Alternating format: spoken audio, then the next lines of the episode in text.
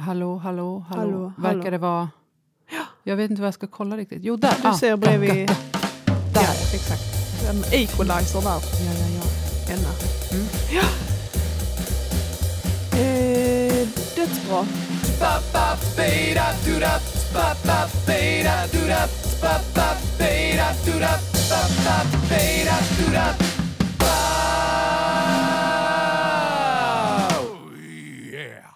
Välkommen till Röstresurser, podcasten med Waiter Whitling, sångpedagogen och logopedröstforskaren med ett uppenbart gemensamt intresse, Människorösten. människorösten.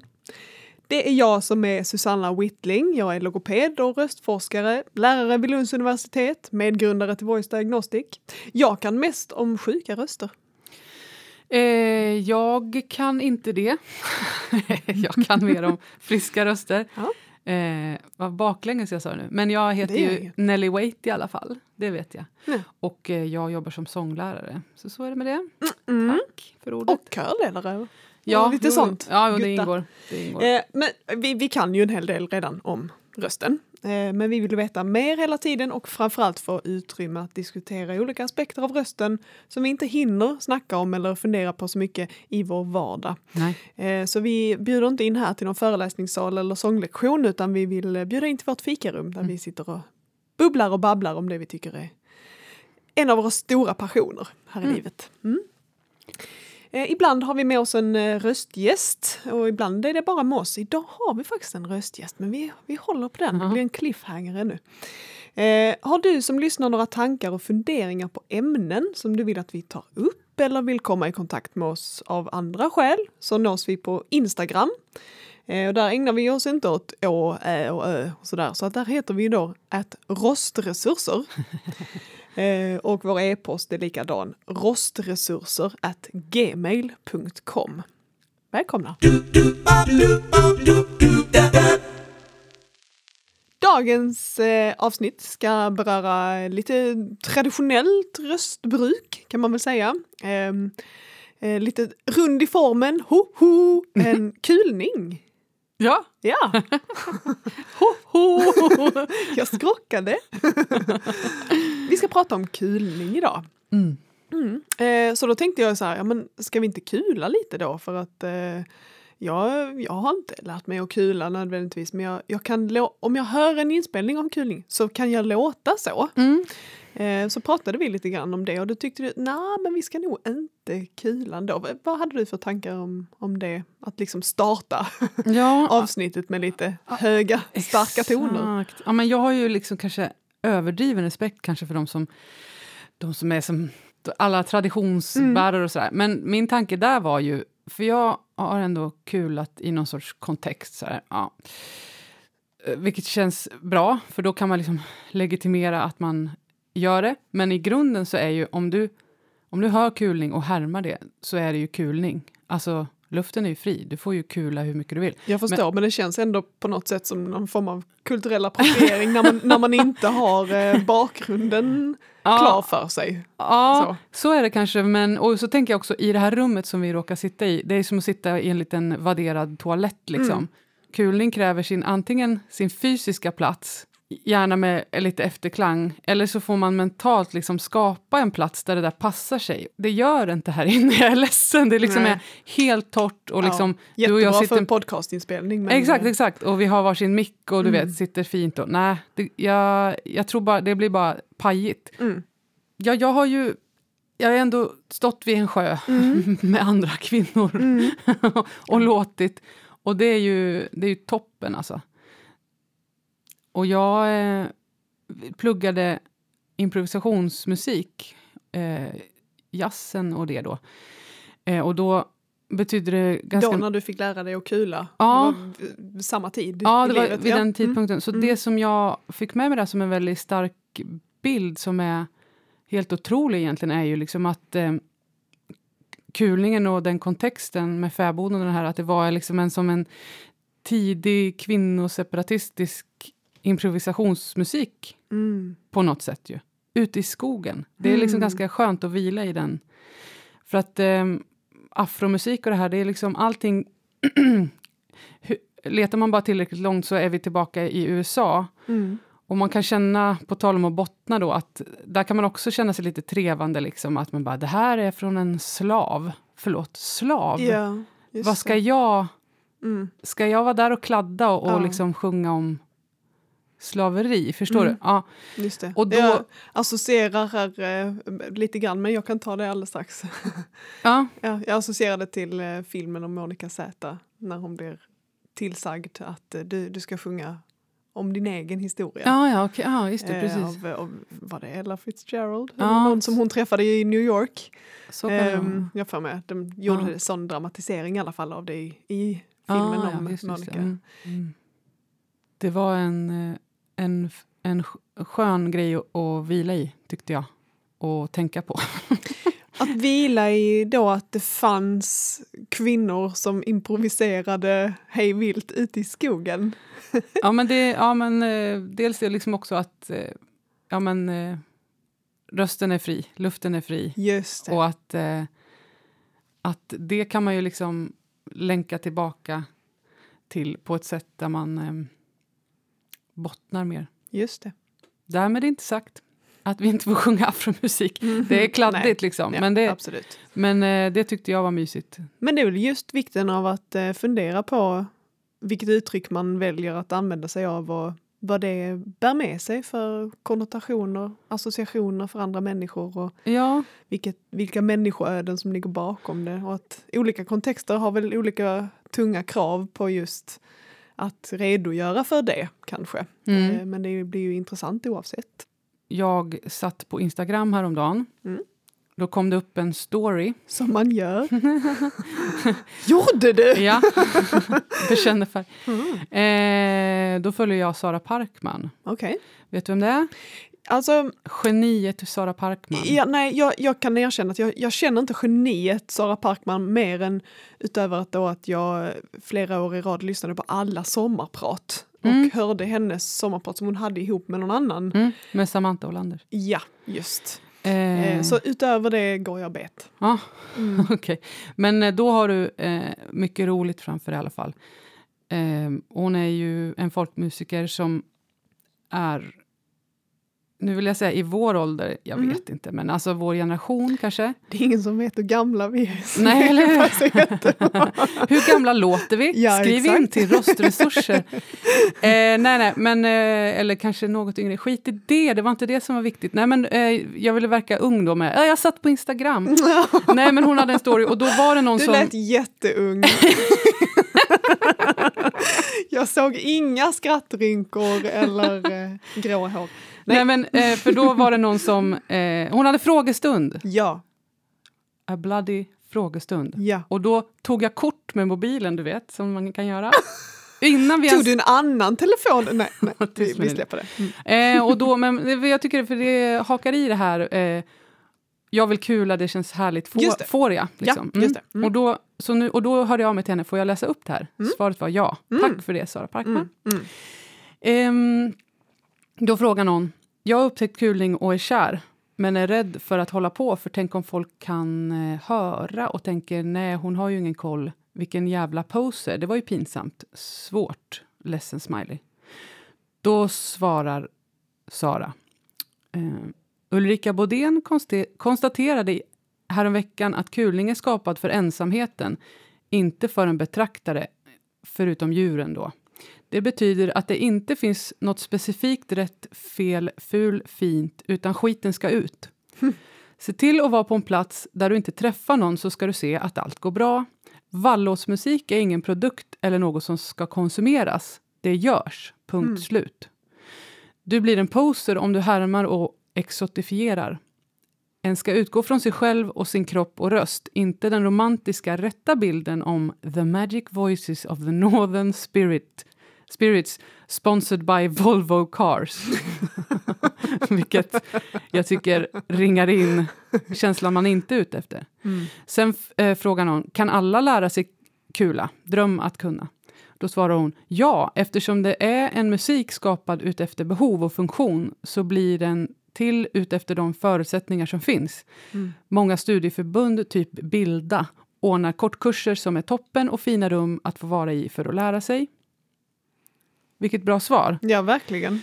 Eh, så hon är ju jätteaktuell nu. Eh, Sara Parkmans orkester ska vara med i På spåret Wow, och vara kul. husband. Ja, ja. Och eh, hon har ju släppt så mycket bra musik. Alltså, dyk in, spring, Mm, slå av det här, gå till eran Kom- LP-spelare. Kom sen tillbaka Ja. när LP-skivan är slut. ja. En skiva som hon släppte, nu vet jag inte årtal, men eh, med Samantha Olanders heter Matriarkerna. Man blir sugen på att lyssna direkt. Ja, och där medverkar ju en person som är aktuell för oss idag som heter Agneta Stolpe. Mm, Det är ju henne vi ska prata med nu. just.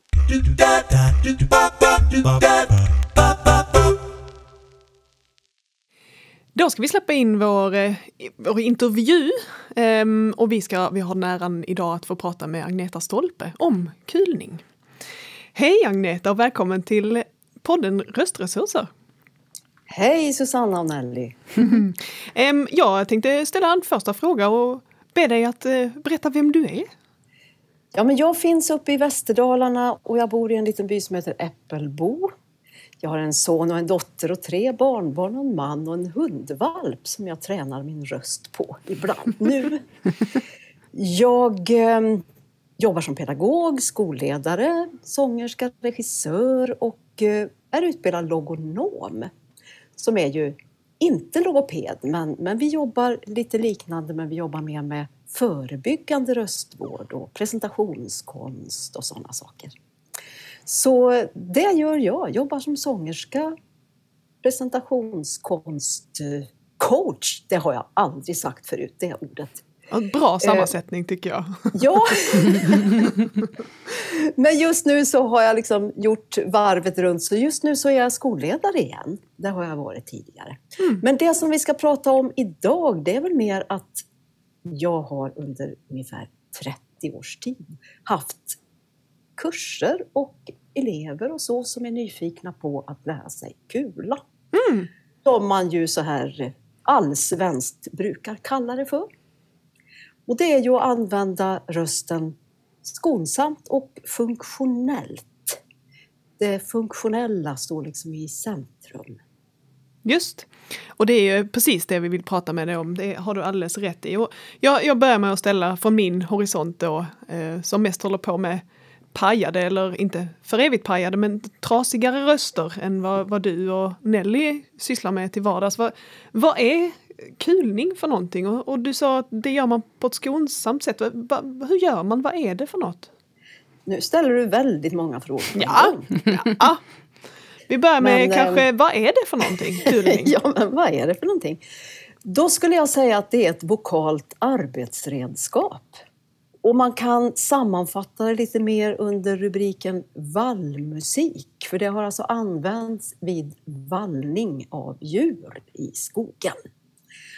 Och det handlar om höga rop och låga rop och korta rop och långa rop. Men det ska höras över ett längre avstånd oftast.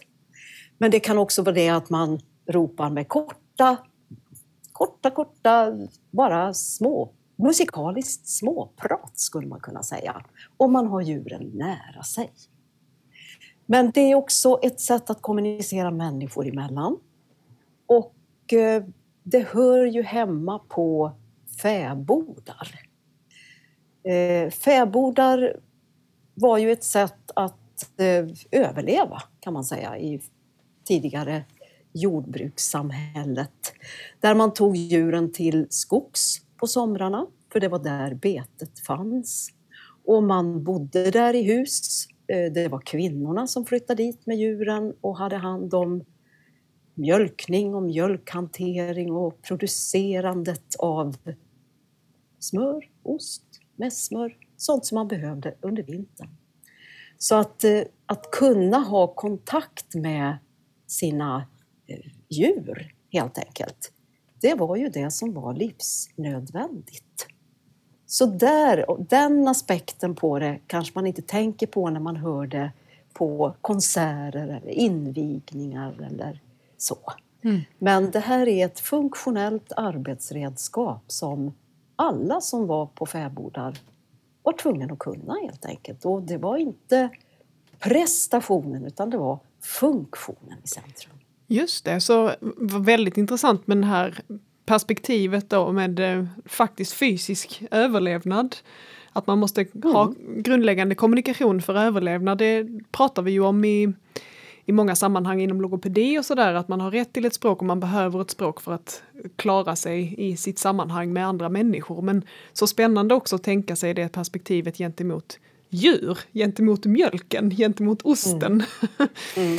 Mm. um, men, men den här det, frågan, finns ja. ju, det finns ju fäbodbrukare idag som använder det här fortfarande naturligtvis. Just, och det var det jag tänkte men, fråga men, dig. Eh, det kanske, vi inte, det kanske vi inte känner till, men de finns. Nej, det var det jag skulle komma till. Det här konstnärliga som vi hör. Just precis, men jag, jag ville precis fråga, används det fortfarande och um, behöver man kunna sjunga? Liksom, hur ser det ut om du då sa att alla gjorde detta? Uh, och det fortfarande finns de som gör det. Hur, hur kopplar man det till sång? Eh, nästan inte alls, Nej. ska jag säga. För att det, det, är ju inte sång i första hand, utan det är rop. Ja. Och man ropar på höga och låga frekvenser, man växlar snabbt däremellan. Så när liksom sångpedagog, om man pratar huvudklang och bröstklang och alltihopa det där så brukar jag säga skit i det nu. Mm. För vi växlar så snabbt så att det, du, du har inte en suck och liksom tänka på det. Mm. Utan eh, det är som jag sa, korta rop och läten på nära håll och kanske lite längre fraser om man ska höras på lite längre avstånd. Men eh, det används, eh, jag vet inte om någon av er, nu sa jag att jag har en hundvalp. Jag har haft får och man ropar på dem. Har man en hund så ropar man på den.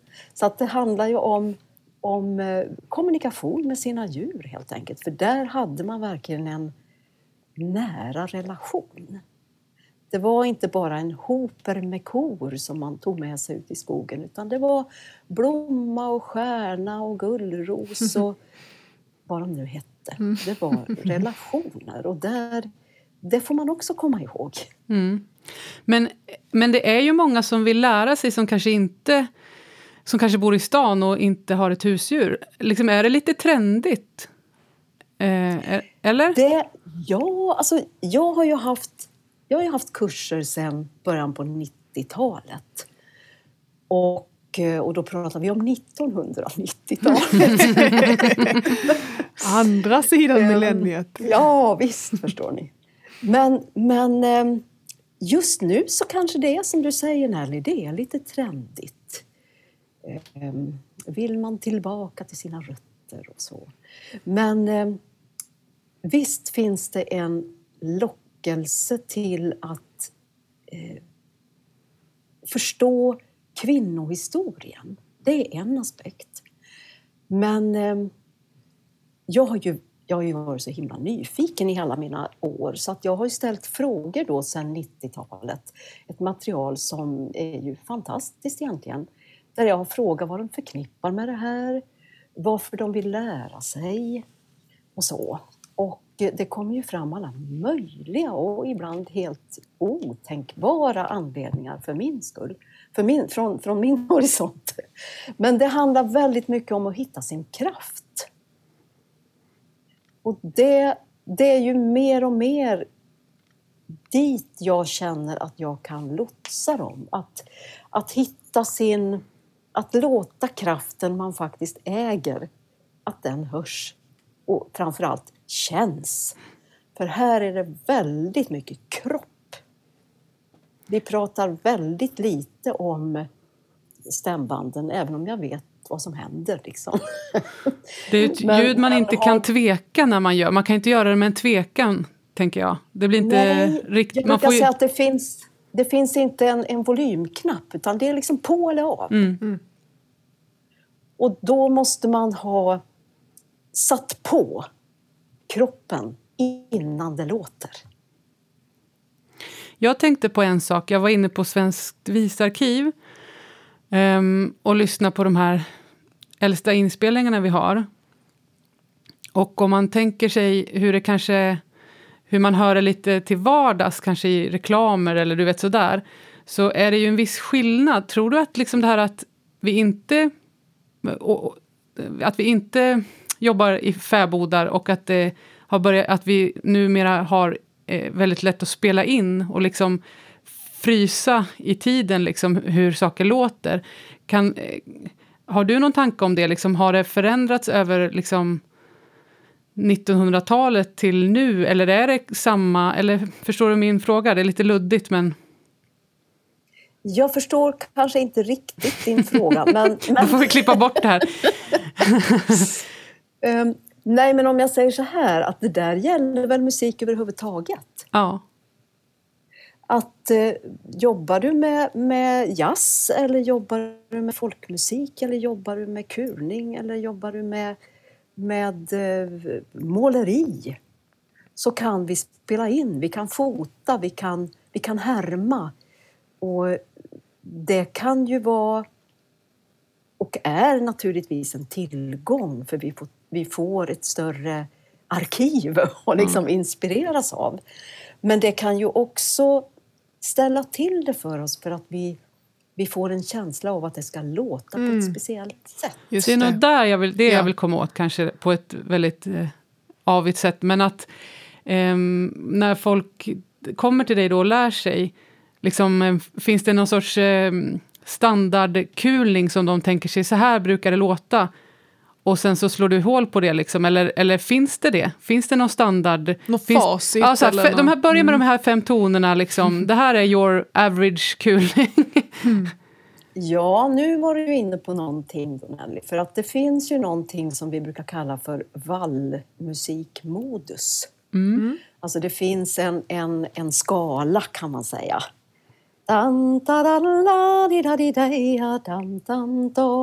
Och det är ju vallmusik och det är vaggvisor. Liksom. Byssalull mm. och alla de här. Det, det, är den tonaliteten som grund. Sen kliver man ju alltid ur ibland när man vill färga lite. Men, men där har du en tonalitet som, som man hör i vallmusiken. Både om man spelar eh, kohorn eller bockhorn eller om man håller på med, med lockning och, och så. Så att där är en sak. Men sen finns det ju en, ska jag säga en, en lite förutfattad mening förstås om att det ska vara oerhört hög frekvens. Mm. Att det ska ligga jättehögt i, i eh, tonläge alltså. Det är ju en sanning med modifikation. Okej, okay. ja, där, där hade du mig. Du, ja, för där beror det på vilken röst du har. Mm. Och var du ropar. Så det beror också på vilken eh, akustik du har omkring dig? Ja, och jag har varit med i ett projekt som vi körde via eh, Dalarnas museum med Jenny Tideman Österberg som projektledare där vi undersökte just naturakustik. Eh, och Eh, om jag ska backa lite innan jag går in på det så, så handlar det om också vilka inspelningar finns. Apropå din fråga Nelly. Mm. Och de tidigaste inspelningarna på just lockning som jag kallar det för. Jag, jag säger att jag lockar. Och i Transtrand upp mot Sälen till här i Västerdalarna så hade vi tre stycken fantastiska kulerskor. Karin Edvardsson, Elin Lisslas och Anna Karlsson. Och eh, där har man också en natur som på något sätt primerar de höga frekvenserna. Och de inspelningarna, särskilt Karin Edvardsson, de ligger ju liksom i, ja men det är ju skybar liksom. Så, ja. i deras höjd. Ja. Och det är de inspelningarna som har hörts. Och så tror man, jag har till och med mött det var en man som sa en gång att ja, men kulning vet du, det är bara över en viss frekvens. Mm. Nej, det är det inte alls, jag. Utan man växlar ju, och det gjorde de också. Karin kunde låta wow, wow, wow, wow, wow. Så kunde hon också låta. Mm. Man växlar där. Men, men den, den typen används ju inte i, i liksom reklamfilmer, den typen av lockning. Nej, nej, nej. Och det är därför som jag med en, en dåres envishet brukar få till när vi har konserter. Vi har haft konserter under Falu folkmusikfestival, bestångkärn som det hette i massor av år. Att man både har de här höga frekvenserna och vackra ropen men också de här funktionella, korta, kommunikativa ropen. Mm. För det är en lika stor del. Mm. Och då, då som jag sa växlar man ju mellan högt och lågt och starkt även i det låga. Liksom. Men om man lyssnar på Youtube och Spotify och de här inspelningarna blir vackra sjöar med, med vackra flickor i långt hår och vita kläder. Liksom. Det, nu, nu raljerar jag kanske lite grann, men det, det är ju en sorts kulning. Mm. Det är den där finkulningen. det är ju fantastiskt. Jag kan absolut njuta av det och tycka att de är helt fantastiska. Men det är en sak och man ska inte tro att det är så man måste låta för att, det är, för att man ska kula. Utan det har mer med styrka, funktion, lekfullhet, variation, ja, allt det där. Det är inte prestation, det är funktion. Mm. Och det försöker jag slå hål på lite grann. Därmed inte sagt att det inte får låta vackert. Naturligtvis får det göra det. Men det är inte där du går in och hittar din lekfullhet och, och din styrka. Liksom. Så det jag får säga nästan oftast på kurser det är ja, nu har du hittat kraften i kroppen. Då behöver du inte ta i alls med rösten. Kan, Precis. kan du lära vem som helst att kula, Agneta? Jag tänker på vem som helst som är kvin kvinnor och man, eh, kvinna, man, Ja, eh, ålder, eh, Absolut. röstbakgrund. Kommer det män till Ja. dina kurser också? Ja, fast Ja. inte så många. Det är ju ett kvinnoarv egentligen. Det var kvinnorna som, som till och med enligt en kunglig förordning på 1600-talet skulle valla djuren. Se Men sen där. har det ju funnits män naturligtvis som har blivit änklingar, som har varit ogifta, enda sonen i, i, i familjen. Som har ju också, Eftersom det var ett jobb som var tvungen att göras. Men det är framförallt kvinnor och det har ju också präglat musiken. På vad sätt har det präglat musiken, menar du? Det, det är väldigt lika tonalitet som jag sa i vaggvisor och, Ja, det sa och, och vallvisor Mm, till exempel. Eller också är det vaggvisorna som har påverkats Just. av vallmusiken. Mm. Just det. Jag får gå tillbaka lite grann till det här med naturakustik som vi har undersökt då. Så har, det finns skrivet, Isak Stomberg och, och Jenny har skrivit om detta i artiklar som finns som är jättespännande. Men där kan, har vi ju till exempel upptäckt att de låga frekvenserna tar sig fram i skog på ett Ja. helt annat och mycket bättre sätt än de höga frekvenserna. Såklart. För de låga frekvenserna tar sig runt trädstammarna. Precis. Och när det är varma, torra sommardagar, det, det är inte så bra. Vi vill ha luftfuktighet på uppåt 70-80 procent. Det ska vara lite bistert liksom för att det ska... Nej, men det ska vara lite fuktigt. Morgondagg. Ja, morgondagen, okej. Morgondag och efter regn. Just det. Det är Det är- perfekt. Och det- gärna vid en sjö naturligtvis för att då, då far ju ljudet iväg på ett annat sätt. Just det. Så vi, efter den här undersökningen med naturakustik så brukar vi skoja och säga att nej, vi, vi får se om vi ropar. Vi har blivit lite kräsna. Vad Ah, kan ni erbjuda för luftfuktighet? fantastiskt. Nej, men det är ju så Det- kul att undersöka Det låter lite som att logonomen i dig arbetar lite grann där också kanske, Agneta? Ja. Eller? Det, jag tycker alltid det är så fascinerande med saker som uppstår ur ett behov och så när man i efterhand dissekerar det och ner på den nivån och ser varför. Det är Ja. så läckert tycker jag att det liksom... Ja, vi gjorde så här för att det funkade. Liksom. Ja, Och det behöver inte, man behöver inte liksom legitimera det mer än så, men det är spännande att det sen stämmer med alla de här med träd och luftfuktighet. Och, exakt. Och jag måste ju säga att jag, jag lärde mig det här när jag var i 15-årsåldern och det är ju 50 år sedan. Och då var ju jag hos en, en eh, fäbodbrukare som var just i skogsmiljö. Så när jag var sådär 20-25 och träffade de här andra som hade lärt sig kula så tyckte jag att ja, men jag, det där kan ju inte jag för jag låter inte så högt. Men, men det var ju för att de jag lärde mig av var just i skogsmiljö och de låg ju på de frekvenserna. Såklart. Jag menar, det, det, är ju, det är ju det här, du är så rätt inne på det Nelly, att vad är det man hör och vad drar man för slutsatser av det, av hur ska det vara? Ja men det kan vara olika. Mm.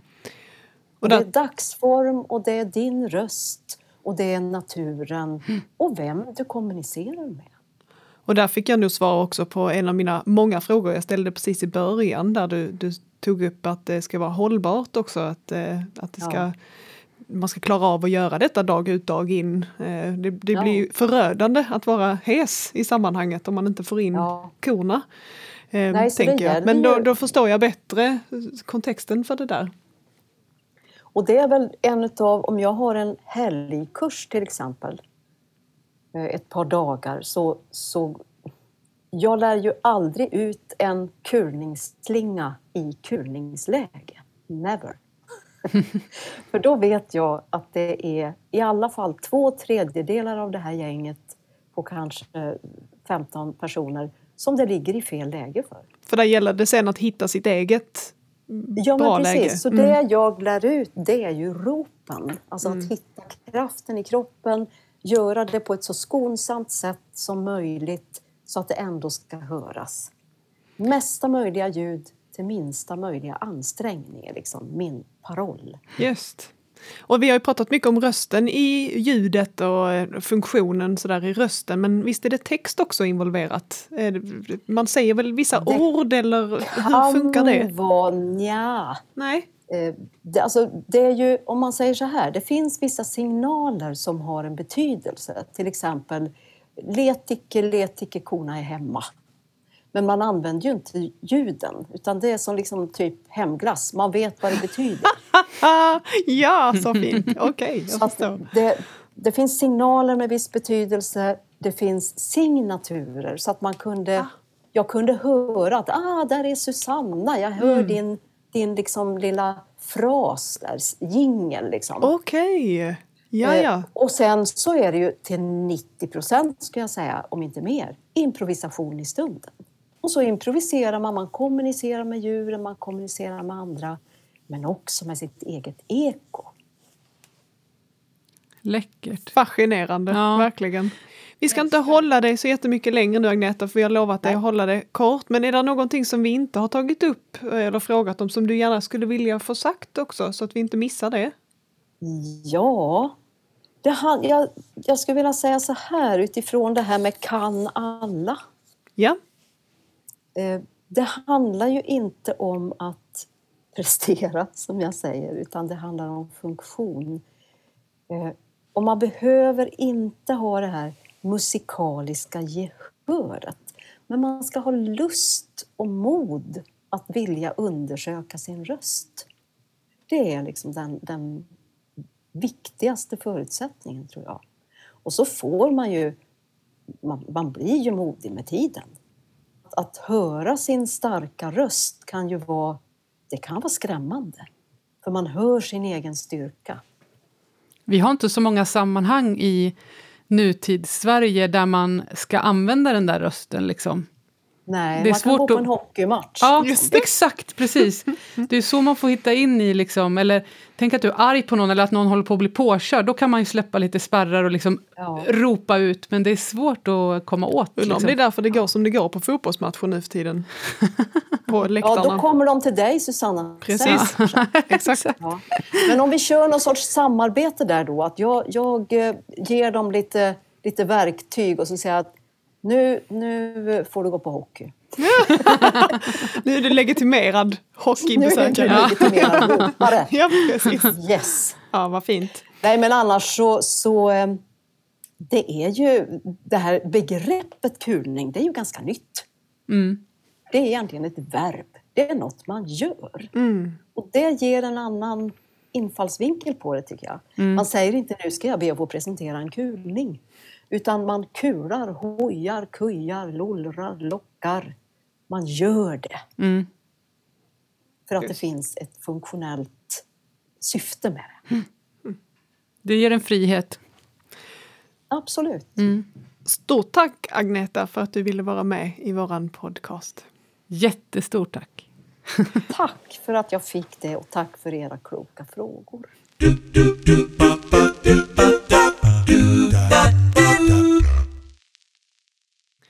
Vilken intervju! Mm. Wow. Ja, wow! Du fick prata med Agneta Stolpe Ja. som du ändå Äntligen det. hört om så länge och Ja, ja, lyssnat på och allt vad det är. Och, Ja, stort. ja, jag fick också prata med henne. Hon och jag satt ju i en styrelse tillsammans för ett par år sedan. Så vi, vi visste väl lite grann vad vi, vad vi höll på med men så här har jag ju aldrig pratat med henne om kulning förut. Nej, varför Så- inte liksom? Eller Det- hur? Jag fick lite tankar här under tiden som vi pratade med henne och det var så spännande att knyta an till delar av min forskning eh, som handlar om hur lärares röster ska må bra i ett klassrum. Det är inte huvudinriktningen på min forskning men jag har varit med i flera olika projekt som tangerar det. Och så himla härligt att få höra mer av det här med naturakustiken och att nyttja rummet som man är i och veta vilka förutsättningar rösten har i olika naturrum. Mm. Ehm, och en eh, person som jag samarbetat med en hel del eh, heter Jonas Kristensson och han, eh, eh, han jobbar med akustik eh, sanering och att hjälpa, hjälpa rum att bli bra akustiskt för att till exempel använda rösten eller för andra ljud i Mm. rum och sådär. Eh, och hans liknelse är alltid den att skogen, om man kan efterlikna en skog med kala ehm, eh, trästammar Mm. med mossa på marken som är då lite fuktig eh, och lite barr uppe i, i toppen. Det är Ah. den absolut optimala klassrumsakustiken. Är det? Ja, Wow! eh, så att om man skulle ha klassen ute i tallskogen där med mossan där i, Dröm. vid stranden, Ja. vet, så skulle de allra flesta inte känna så mycket besvär av sin röst för att den bor ju i en kontext. Den, den händer ju i en kontext. Den kom ju ur kroppen så klart men sen då, sen ska den ju höras. Där jobbar vi mycket med eh, att undersöka inte bara efterklangstiden i ett rum utan de absolut tidigaste eh, reflektionerna av ljud. De, de som kommer allra, allra, allra snabbast eh, från olika material i rummet och sådär. Mm. Så det var läckert. spännande att ha ett Ja. annat, eh, mm, en annan kontext där det verkligen handlar om naturrummet. Precis, för vissa rum är ju nästan ett straff. Och, ja, och att precis. tala i liksom länge. Ja, eh, som, På eh, tal om det här rummet som ja, är vi sitter i ett ja, litet... snustorrt. Ja, Liksom. precis. och det är ju som det ska vara Precis. eftersom vi har mickar. Men, Vi vill eh, inte ha eko här inne. Och jämför det med en eh, kal gotisk kyrka Mm. där, som är motsatsen då till skogen som släpper förbi bara eh, basljud. Där reflekteras ju väl egentligen alla eh, ljud. Så att man... Eh, det som händer i skogen är ju att basen försvinner iväg. Mm. Eh, den kan bära långt så att Mm. säga. Eh, men i ett klassrum vill man inte ha den effekten utan då vill man ha studset. Man Mm. vill ju ha de högfrekventa eh, ljuden. Mm. Det är ju det man vill ska, verkligen ska höras, inte den basiga rösten. Mm. Och i kyrkan är det ju den basiga rösten som maskerar till och med alla konsonanterna. Ehm, så att det, där behöver man ju hjälp på andra sätt då, helt Mm. enkelt med mikrofoner och högtalarsystem som kan kompensera för bristen av högfrekvent ljud. Ja, det var väldigt roligt perspektiv bara att få det ur, Otroligt.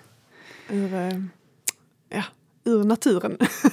Verkligen. Och sen tänkte jag en annan sak då om ehm, det du var inne på, eller det var ju mm, du var inne på det tidigare och Agneta var inne på det nu där med att eh, trenda lite med eh, eh, eh, nat lite naturromantik kanske. Att, eh, Men det ska- är, är det inte någon sorts eh, grön våg på gång? Det är, eller liksom, det är många grön som... musikvåg. Men det är många, En där man stående grön våg. Köp, köpa ett hus och eh, höns och det och så. Mm.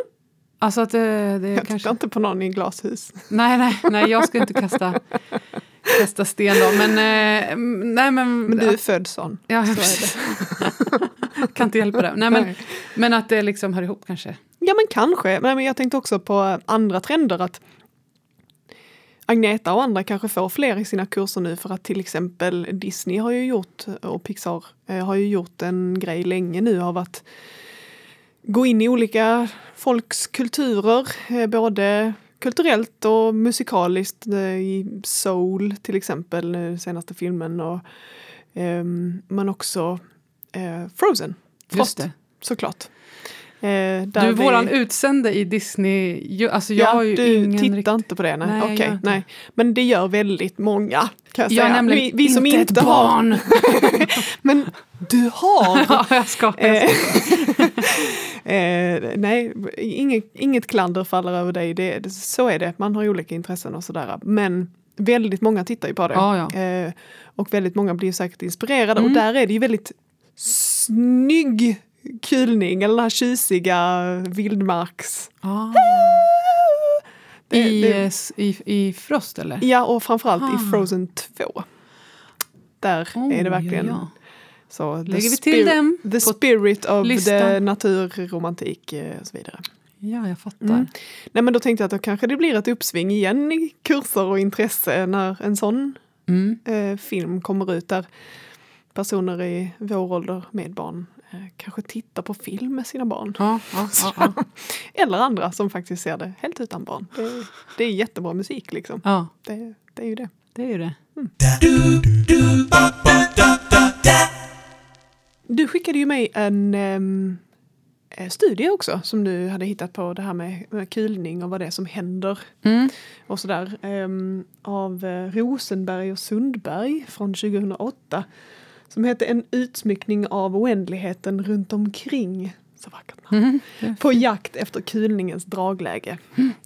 En populärvetenskaplig artikel och som eh, kul eh, och kul, LOL, eh, att eh, gå igenom eh, vad det är som händer med rösten lite mer specifikt när man kular. Och nu sa ju Agneta i intervjun här att det behöver inte nödvändigtvis vara så höga toner till Nej. exempel. Och det blev jag nog att det utgick ifrån ganska mycket i den här artikeln att det skulle vara. Mm. Eh, att man pratade om toner från A5 till E6, alltså från 800 till 1300 hertz ungefär. Som ett pretty high. Liksom. Mm. Eh, men där stod det ju även om eh, eh, ljudtrycket, hur starkt det kunde vara. Eh, rejält starkt. På 30 centimeters avstånd från mikrofonen så var de ju uppe över smärttröskeln. Precis, 125 Ja, decibel. Ja. Ja, precis. Eh, Så det är ju betydligt starkare än många andra sångare kommer upp i. ehm, på det avståndet då naturligtvis. Det är sällan man kanske stoppar örat så nära någon som kular. Nej, Men nej. Tanken är ju att det ska bära Mm. såklart. De är starkt och rakt. Rakt ja, just det. Inget vibrato, inga... Det, Nej. det är bara i, vad heter de?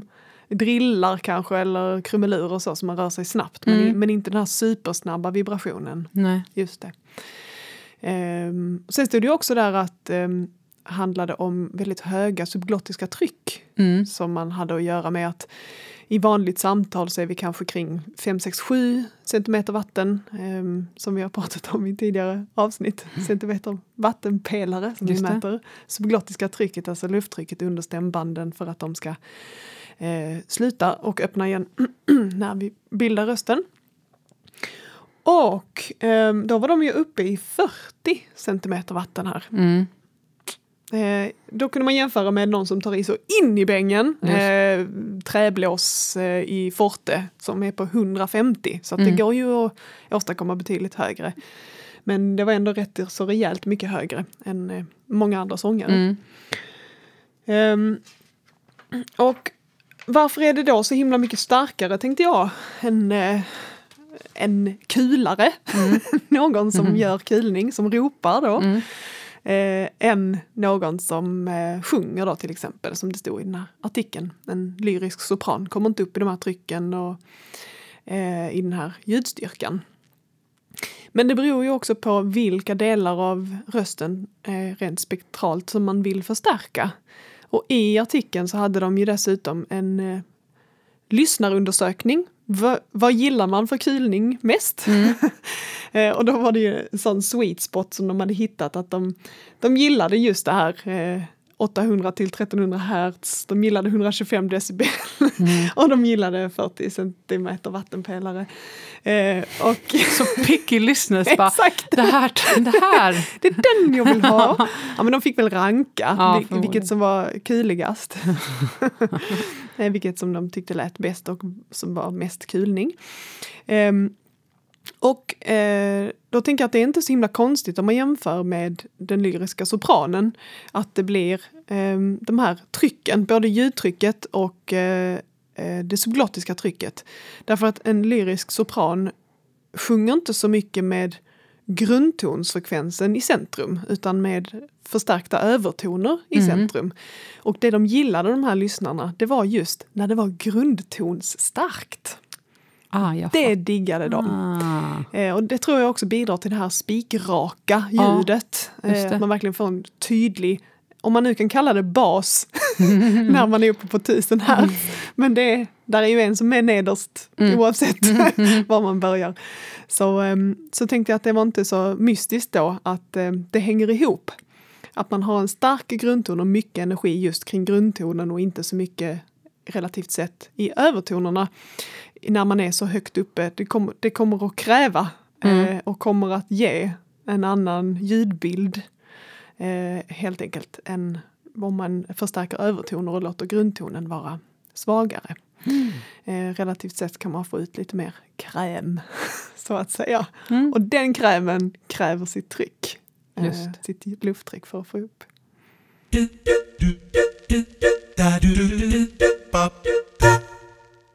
Så här i sluttampen då av vårt program Mm. så brukar vi ta något bara. Något, något lite s- söt liten karamell. Ja. Något att bjuda på. Något lite sött till Mm. kaffet. Ja, precis. Eh, jag eh, sprang på något sött. Det är Mm. ju helt fel ord, men okej. eh, jag sprang på lite forskning Okej, på Instagram. Might be sweet. Absolut. Alltså det har, Lite det har forskning något, på Instagram. Ja, det har något att du Mm. forskar och jag sprang på för lite forskning på Instagram. Never mind, Ja, då ja. fortsatte jag forska själv här på Google och eh, då är det nämligen så här att förra året, eh, så det är färsk Du forskning. gick inte hela vägen till Google Scholar Nej, utan nej. Du, du håller dig på Google. Ja, men nej, nej, alltså jag ja. har ju andra jobb att sköta här. Ja. Ja, eh, så här var det då. Jo, att de eh, 2020 eh, så 3D-printar de ett, eh, ett struphuvud. Jajamän, Mm, det vet jag. det har du hört. Mm. Absolut. Mumien Nesjamun eh, som levde för 3000 år sedan. Mm. Eh, som dessutom, det här tyckte jag var, det här var eh, inspirerande. Han hade skrivit i, eller han, någon hade skrivit på insidan av kistan att eh, jag vill kunna tala, ja, han hade någon sån poetisk Släpp ut mig! eller hur? Det var så scratches och så stod det bara Hjälp! Nej. Nej, det stod någonting om att han, han ville att hans röst skulle bli hörd efter hans död. Eller vad var det? Han skulle, eh, en önskan om att kunna tala efter sin död. Mm. Varpå de eh, singlar ut just den mumien till det här experimentet. För då har de... Eh, då har de... Vad har de gjort? Vänta, jag ska se vad det stod. Jag har det liksom inte... Har de delar kvar av um, struphuvudet och sånt där? eller? Ja, de har, ju, de har ju själva hålrummet. Mm. Eh, och Men det måste ju ändå så, sjunkit ihop något, Ja, eller? Exakt, Över, fast det, tillräckligt, 3000 ja, år. exakt, det är det man undrar. Tungan är borta, eh, till exempel. till exempel. Okej, men jag nu liksom är... Men det kan kompensera för... Ja. Ja, ja. Mm. the suspense is killing us. Hur, låter, hur, låt, hur lät Hur, lät, hur lät vi för 3000 Mm, år sedan? Vi lät Ja, så här.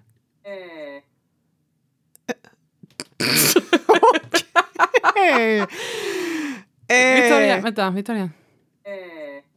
Ja, det låter som en syntetisk eh, Alltså, e-vokal. jag, ja, precis. Jag har ju eh, inte... Jag har ju inte själv forskat på det här. Nej. Men jag kan ändå eh, tryggt säga att så där lät han ju inte. Eller? Det kanske han gjorde. Mm. Eh, Stackars honom. Eh, han var präst och så eh, berätta, berätta för oss, fader. Säg, en, säg någonting om livet och då bara... alltså, Tryckljud! Eh, började alla sina yttranden men eh, Eh, jo, det var något med solguden. Ja, ah, okej. Ja, men så i alla fall, då, eh, då eh, fick jag ett, det flöt upp ett minne då ur minnenas kärn. Jag har hört, jag har, jag har hört honom förut, eller jag har hört något, det här har jag hört förut. Då kom jag på, det är ju Ötzi som jag har hört. Det har vi ju! Mm. Han har ju också återskapats. Det är liksom, ja! det är liksom, Åh, vad bara- kul att du har hittat den gamla karamellen. eh, Oj, ja! Ötzi the Iceman finally speaks. Eh, och då har de ju, det är samma sak där, att han är så Mm. himla välbevarad. Och då har de med hjälp av special software and CT scans eh, liksom... Ja, du syntetiserat signalen ja, som det den var något varit. med att hans, alltså, hans, eh, det, det var ben som hade hamnat på sniskan. Obviously liksom. Alltså Ja, det, ja. För han eh, levde ju då vad, ungefär 5000 år sedan. Då. Eh, och eh, han hade dött med armen över ansiktet, så det var mycket där att ta hänsyn till. Men de har i alla fall Ja. gjort sitt bästa. Mm. Och då återskapa, hur lät då han? Om man jämför då med den här, eh, han från Egypten då, och hur lät det i Alperna?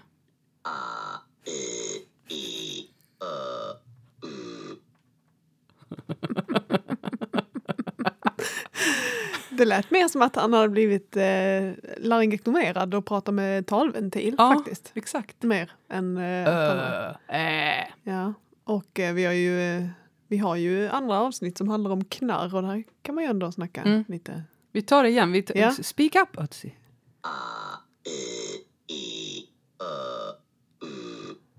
Ja, ja.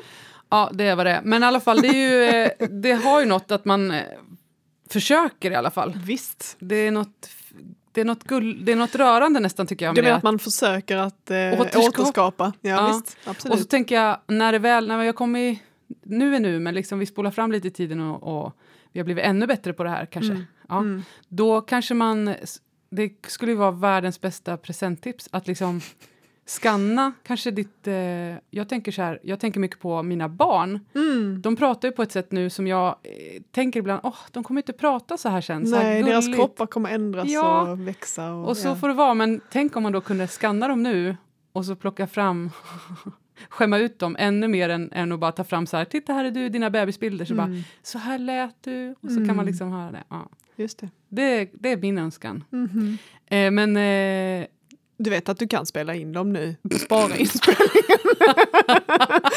Bara put it in a safe spot. Där du inte kommer att bli av med den. Ja, det, det är helt sant. Ja. absolut. Mm. Eh, Men du vill kunna liksom gå tillbaka till råmaterial, eller utan råmaterialet kanske kunna återskapa få- signalen. mm, ja, men få, man kanske kan välja själv vad barnen ska säga då. Just I love you! I love you mommy!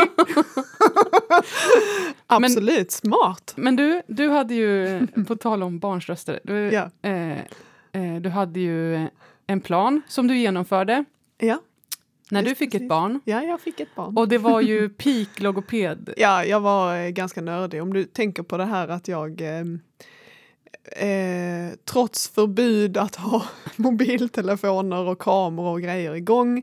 Det var dessutom extra förbjudigt, eh, för, förbjudig stämning Mm. eftersom jag födde det här barnet under covid-pandemin. Ja. Så eh, det, det var mycket med förbud ändå. Ja. Eh, man fick absolut inte filma och man fick inte hålla på sådär. Mm. Men jag, eh, det, min, min absolut högsta önskan för eh, min kära make att ordna med eh, medan jag födde fram barnet, det var att ta upp hennes allra, allra första fonation. Att eh, spela in hennes absolut första röstbildning. Så coolt! Eh, och den är ju då inspelad, alltså det man brukar kalla för första skriket. Men jag ville ha det absolut första gången hon lät luft passera mellan stämbanden. Ehm, för att kunna göra konst av det. Ja. Eh, och då kan man ju spara ljudet, absolut. Men man kan ju avbilda ljud väldigt vackert också med eh, tredimensionella spektralanalyser till exempel. Där man kan få till och med som en, ja det blir som en, ett vågigt hav ser det ut som när man ser formanttopparna. Eh, man får både eh, energinivåerna och, och frekvensnivåerna och det blir väldigt tjusiga bilder. Som, eh, som då ska få hänga på väggen eh, i hennes rum tills hon eh, undrar själv vad det är för någonting. Wow. Så, så nördig kan man vara. Det blir, jag, vill, jag vill liksom applådera långsamt. Gör jag det. Åh, oj, oj, oj, oj, oj, oj. Fördelen med att eh, inte få barn tidigt i livet. man har hunnit bli så ingrodd i vad man håller på med. Precis. Bra sagt. Ja.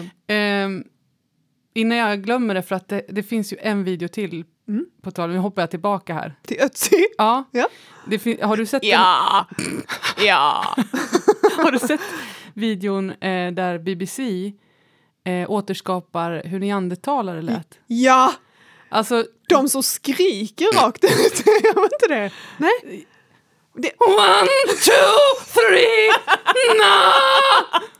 Ja, vi har, får inte spela upp ljudet för vi orkar inte betala för det, men det är så. Och googla då på BBC neandertal Ja. och eh, alltså det är liksom bättre än den bästa. Det är så bra bara. Och den här killen som... Ja, men att de, de är så allvarliga och det är så jävla absurt. Och eh, nej, jag, jag har inte mer att säga. nej, vi behöver inte säga mer om det. Det är helt fantastiskt. Men det är liksom lite röst eh, i Sparbanken. Eh, vad heter det? Sp- Spargrisen. Mm. röst spargris. Oh. Slirigt! ba ba ba da do da ba ba ba da do da ba ba ba da do da ba ba ba da do da